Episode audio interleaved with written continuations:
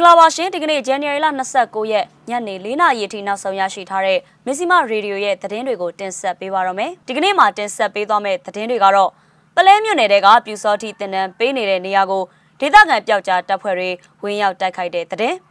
အတန်တိတ်တပိတ်ပြုလုပ်မဲ့ရက်ဆိုင်းငံ့တဲ့အမိန့်စာအတုကိုစစ်တပ်ထောက်ခံသူတွေဖြန့်ဝေနေတဲ့အကြောင်း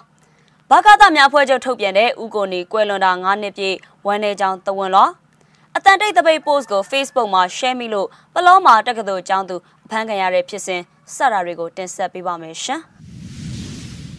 စကိုင်းတိုင်းပလဲမြို့နယ်ဇီးဖြူရွာမှာအခြေချပြီးတော့ပြူစောထီတွေကိုတင်တန်းပေးနေတဲ့စစ်ကောင်စီတပ်နဲ့အဲ့ဒီပြူစောထီအဖွဲ့တွေကိုမနေ့ည၈နာရီလောက်မှာဝင်ရောက်တိုက်ခိုက်ခဲ့တဲ့ကြောင်းဒေသခံပျောက်ကြားတပ်ဖွဲ့ကပြောပါရယ်စစ်ကောင်စီအင်အားက40လောက်ရှိနိုင်ပြီးအဲ့ဒီရွာထဲမှာလူငယ်တွေပေါင်းဖွဲ့ထားတဲ့ အင်အား100လောက်ရှိတယ်လို့ပြည်သူ့တော်လှန်ရေးတပ်မတော် PRA ကဗိုလ်ချုပ်ပန်ပြောပါတယ်စစ်ကောင်စီတပ်ကအဲ့ဒီလူငယ်တွေကိုတင်တန်းတွေလည်းပေးနေပြီးလက်နက်လည်းအပြည့်အစုံချပေးထားတယ်လို့သိရတာပါဒါကြောင့်ဒေသခံပျောက်ကြားတပ်ဖွဲ့တွေအနေနဲ့မြေပြင်ကနေတိုက်ခိုက်တာတင်မကပဲဝေဟင်ကနေပါဒရုန်းမှာဘုံတွေချိတ်ပြီးတိုက်ခိုက်ခဲ့တယ်လို့ဗိုလ်ချုပ်ပန်ကပြန်ပြောပြပါတယ်ပြစ်ခတ်တိုက်ခိုက်မှုကနိုင်ဝက်လောက်ကြာမြင့်ခဲ့ပြီးစစ်ကောင်စီနဲ့ပြူစောတီပူပေါင်းတပ်ဘက်ကလက်နက်ကြီးလက်နက်ငယ်တွေနဲ့လည်းဒရက်ဆက်ပြန်ပြီးပြစ်ခတ်တာတွေပြုလုပ်ခဲ့ပါတယ်။ ဒါပေမဲ့ဒေသခံပျောက်ကြားတပ်တွေဘက်ကတော့အထိခိုက်မရှိပြန်လဲဆုတ်ခွာနိုင်ခဲ့တယ်လို့ဆိုထားပါတယ်။စစ်ကောင်စီဘက်ကထိခိုက်မှုအတိအကျကိုတော့မသိရသေးပါဘူး။ဒီလှုပ်ဆောင်မှုကိုတော့အောင်ဆန်းတပ်ဖွဲ့ပလဲပကဖ PRA ချင်းတွင်း Attack Force တမဏိတပ်ဖွဲ့နဲ့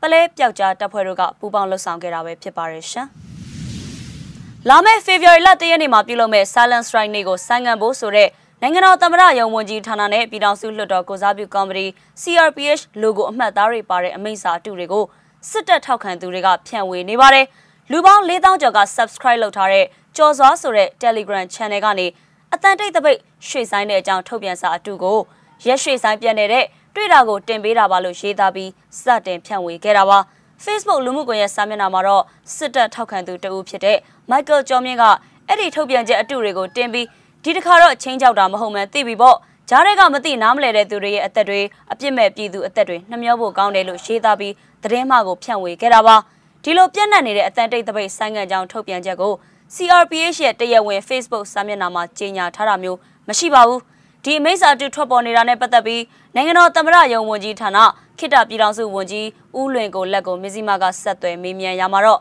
စစ်ကောင်စီအုပ်စုတွေကအခုလိုသတင်းမှထုတ်ပြန်ပြီးပြည်သူလူထုကို ဝေဝါအောင်လှုပ်တာလှုပ်ယူလှုပ်စင်တခုဖြစ်နေပါပြီကျွန်တော်တို့အနေနဲ့အခုလိုထုတ်ပြန်တာလုံးဝမရှိတဲ့အပြင်အတန်တိတ်တပိတ်ကြီးမှာပြည်သူတွေတဒတ်တအားပူပေါင်းပါဝင်ဖို့တိုက်တွန်းနှိုးဆော်မှုတွေလည်းပြုလုပ်နေပါတယ်လို့ပြန်လည်ဖြေကြားခဲ့ပါတယ်လာမယ့် February လ1ရက်နေ့အာနာသိန်းခံရတာတနစ်ပြင်းနေမှာလူမှုပါဝင်ဆင်နွှဲမဲ့အတန်တိတ်တပိတ်ကိုအာနာသိန်းစစ်တပ်ကနှီးမျိုးစုံနဲ့တားဆီးဖို့ကြိုးပမ်းနေတာပါအဲ့ဒီနေ့မှာဈေးဆိုင်အယောင်းဆိုင်တွေကိုမပိတ်ဖို့ဆိုင်ရှင်တွေကိုဆိုင်ဖွင့်ပါမယ်ဆိုတဲ့ခံဝန်တွေထိုးခိုင်းတာ အတန်တိတ်တပိတ်ပြုလုပ်ဖို့လူမှုကွန်ရက်မှာနှိုးဆော်တဲ့သူတွေကိုဖမ်းဆီးတာတွေလုပ်ပြီး silent strike တွေကိုအာရော့ပြက်ပြက်အောင်ပြုလုပ်နေပါတယ်ပြီးခဲ့တဲ့ဒီဇင်ဘာလ10ရက်နေ့တုန်းကလည်း NUG ရဲ့နှိုးဆော်မှုနဲ့ပြုလုပ်တဲ့ silent strike တုန်းကအခုလိုပဲထုတ်ပြန်ချက်အတူတွေဖန်တီးပြီးတားဆီးဖို့ကြိုးပမ်းခဲ့မှုပါသေးတယ်ရှင်။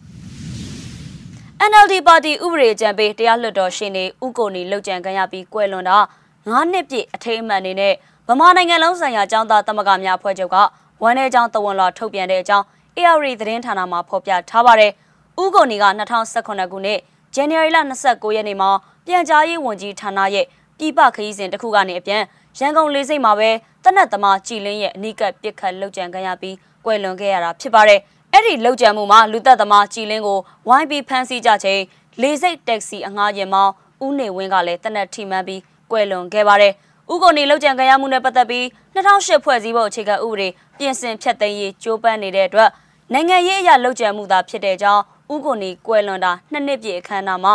NLD ပါတီဗဟိုပြန်ကြားရေးအဖွဲ့ကပြောကြားခဲ့ပူပါတယ်။ဗကသများအဖွဲ့ချုပ်ပြောထားတာကအာဏာရှင်တို့ရဲ့မတရားဥပဒေအောက်မှာအမှုမှန်မပေါ်ပေါက်ခဲ့တဲ့တရားရေးရဲ့ရှက်ရွံ့ပွဲကောင်းသောအမှုဖြစ်ကြန့်ရှိခဲ့တဲ့အမှုတစ်ခုဖြစ်လေတဲ့2008ခြေဦးကဖျက်သိမ်းပြီးဖြစ်ပေမဲ့ကျွန်တော်တို့အနိုင်ရအောင်ပွဲဆင်နိုင်မှပဲအလုံးစုံပြောက်ကွယ်သွားမှာဖြစ်တယ်လို့ဆိုထားပါတယ်။ ဥကိုနေလောက်ကျန်တပ်ဖြတ်ခံရမှုမှာတက်မတော်ရရှိဟောင်းတွေပူးပေါင်းပါဝင်ကြံစီခဲ့တာဖြစ်ပြီးအဓိကတရခံဖြစ်တဲ့တက်မတော်ရရှိဟောင်းအောင်ဝင်းခိုင်ကိုတော့ဒီကနေ့အထိဖမ်းဆီးနိုင်ခြင်းမရှိခဲ့ပါဘူး။အမှုမှာလူသက်သမားကြီးလင်းနဲ့ပူးပေါင်းကြံစီသူအောင်ဝင်းစောတို့ကိုတေတံချမှတ်ပြီးပါဝင်ပတ်သက်သူဇေယျပြိုးကိုထောင်ဒဏ်9နှစ်အောင်ဝင်းထွန်းကိုထောင်ဒဏ်3နှစ်ကြာခံစေဖို့2019ခုနှစ်ဖေဖော်ဝါရီလ15ရက်နေ့တုန်းကအနောက်ပိုင်းခရိုင်တရားရုံးကနေပြစ်ဒဏ်ချမှတ်ခဲ့တာပဲဖြစ်ပါတယ်ရှင်။အ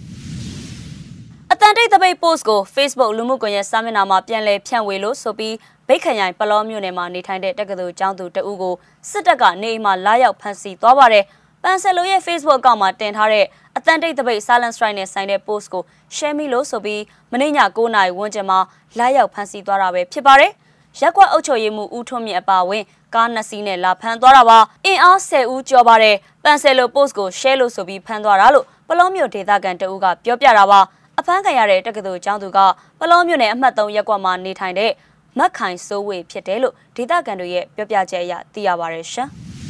မစ္စည်းမရေဒီယိုရဲ့ညနေ၄နာရီထိနောက်ဆုံးရထားတဲ့သတင်းတွေကိုတင်ဆက်ပေးခဲ့တာပါ။စောင့်မျှော်နားဆင်ပေးခဲ့ကြတဲ့အတွက်ကျေးဇူးတင်ပါတယ်ရှင်။